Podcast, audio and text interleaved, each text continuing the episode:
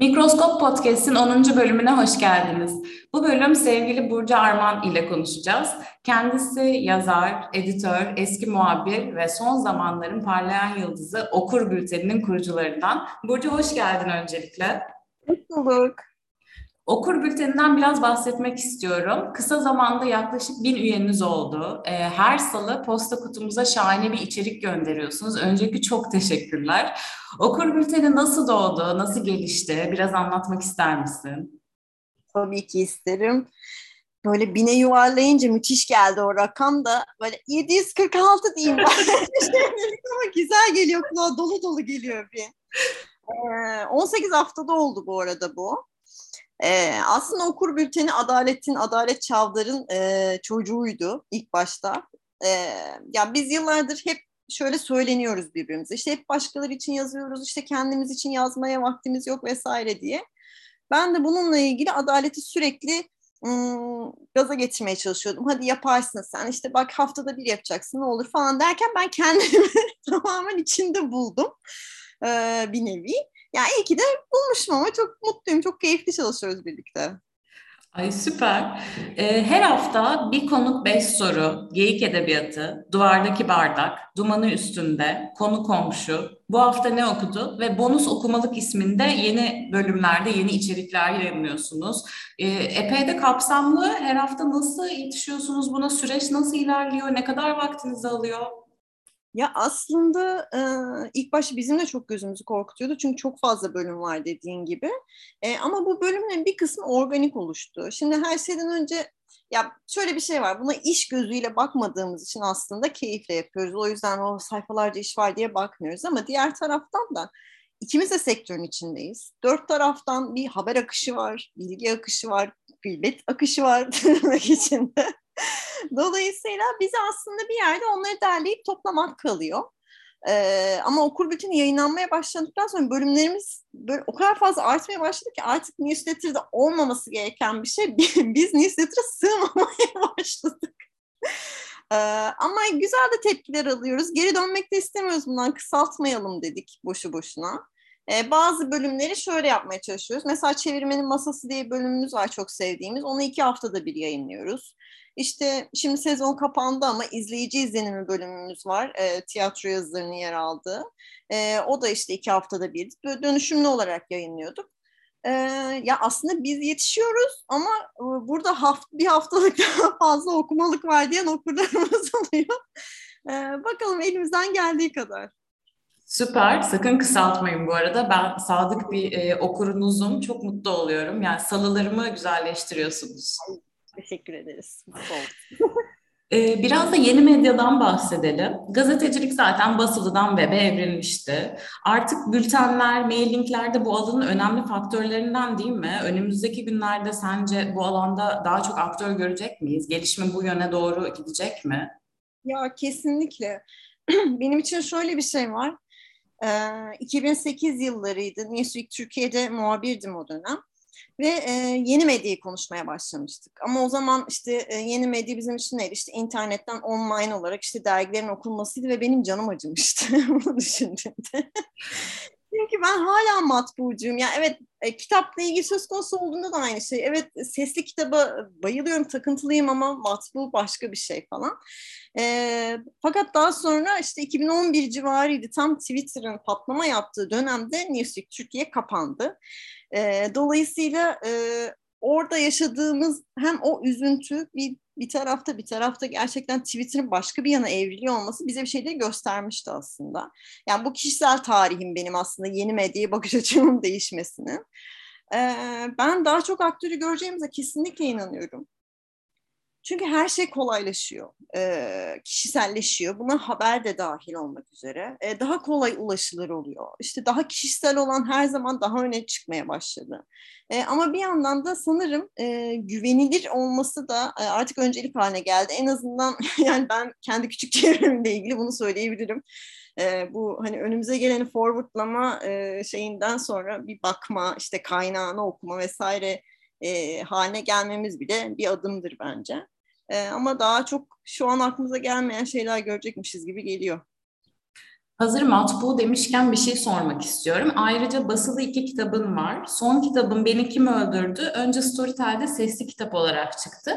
Daha sonrasında Epsilon Yayın Evi'nde matbu olarak basıldı. Normalde tersi olur aslında. Önce işte matbu basılır, sonra sesliye geçer. O da bir süreçtir falan. Sende nasıl böyle oldu? Nasıl gelişti o süreç? Evet ben de tam tersi oldu gerçekten. Bu sanırım hep böyle söylenir ama sanırım Türkiye'de en azından e, ilk defa şey olduğunu Dünyayı bile onu karıştırmayacağım. Haddimi bilirim. E, ya şöyle bir şey oldu. Storytel aslında Beni Kim Öldürdü bir proje kitaptı. Storytel'in Story Original diye bir bölümü var e, ve burada e, sadece Storytel için yazılmış e, kitaplar bulunuyor. E, bunlar dizi mantığında işte 5 bölümden 10 bölüme kadar hatta e, 60 bölüm olan kitap da var bildiğim kadarıyla. E, bölüm bölüm yayınlanıyor onlarda. E, bu şekilde bir sistemi var. E, buna dahil olmuştum aslında. Fakat ne, ne, neticesinde dediğim gibi ben matbu kitap seviyorum. E, böyle içim bir yerinde de evet sesli kitabım var ama böyle elimle kitabını sevmek başka bir şey. Ee, o konuda da Epsilon Yayın Evi e, sağ olsunlar onlar da kitabı çok sevdikleri için e, matbu olarak da yayınlamayı teklif ettiler ve ben de çok mutlu oldum. Ondan sonra da böyle bir şey gelişti ve şu anda hem basılı hem sesli olarak e, yayınlanmış bir kitap olarak hayatına devam ediyor. Şahane, okuru bol olsun o zaman diyorum ve mikroskopa e, getiriyorum konuyu. Bu ayki temamız öteki. Bu tema senin için ne ifade ediyor, ne söylemek istersin bununla ilgili? Hmm. Şimdi ben kendimi bildim bileli e, işte politik olmaktan, politikadan anlamadığımdan vesaire bahsederim. E, ama sanırım aslında bu doğru değil. Yani en azından yaşadığımız şartlar altında mümkün değil. Hatta aslında artık bir seçenek bile değil politik olmak. E, bu durumda öteki de gerçekten son derece önemli bir kelime ve aslında başlı başına yorucu bir kelime. Çünkü sözüm ona bizden olmayanlara öteki diyoruz. E, ama aslında o kadar kaygan bir zemindeyiz ki bir yandan da. Herkes, herkesin ötekisi e, bir noktada ve hepimiz biliyoruz ki e, aslında bu siz, biz, ötekiler vesaireler ayrımını başlatan biz değiliz. Tırnak içinde de şu anda gerçekten politik değilim dedikten sonra gördüğüm cümleler başımı döndü. İyi ki değilmişsin. ya ama şöyle bir gerçek var. Şu çağda gerçekten başka bir dinden sen ötekisin, başka bir milletten sen ötekisin, başka bir dili konuşuyorsan, hatta başka bir şey düşünüyorsan daha ötekisin. Ee, yani o zaman hani sizden değilse kim sizden ya da işte gerçekten hepimiz o kesişim kümelerinden olmak istiyor muyuz ee, gibi bir takım sorular var aklımda. Ee, ya biliyorum dünya ve gündem için aslında çok naif kalacak bu dileğim ama bence bunun üstesinden tek gelmenin yolu empati. Ee, yani gelecek nesiller için de benim e, tek ümidim çocuklarına herkesin mümkün olduğu kadar empati kurmayı öğretebilmesi. Çünkü bunu aşmanın tek yolunun bu olduğunu düşünüyorum. E, dolayısıyla e, dediğim gibi biraz romantiyim bu konuda ama e, böyle düşünüyorum. Yo çok da güzel söyledin bence. Son sorum bak zor bir soruydu bu. Şimdi e, son soruyla bitiriyorum. Mikroskop senin için ne ifade ediyor? Takip ediyor musun? Okuyor musun? Hmm, evet okuyorum, takip ediyorum. E, bu aslında benim için bir yandan özel bir soru. E, çünkü sevgili Müge İplikçi e, benim lise sıralarından İngilizce öğretmenim. Dolayısıyla senelerdir, evet. E, hiç bıkmadan onun adımlarını hep takip ettim, hep takip etmeye devam ediyorum ilgiyle ve merakla. E, ya mikroskop da benim muhabirlik yıllarımı e, benim için şu an çok uzakta olan o yılları özlemle anlama sebep oluyor. Hele böyle Müge Hoca işte e, genç işte ekiplerle birlikte fotoğraflarını paylaştığı zaman işte mikroskop ekibi falan dediği zaman böyle bir ah ya diye içinden geçmiyor değil. Ee, şöyle bir şey vardı çok özel e, benim için e, bir şey bu. Biz e, kız sesindeydik ve e, Müge Hoca'nın derslerini gerçekten böyle şey hevesle beklerdik. Çünkü e, hayata ve kendimize dair her şeyi açık açık konuşabildiğimiz ve hiçbir şey sansürlenmediği bir dersti. Dersten çok hayatın kendisiydi.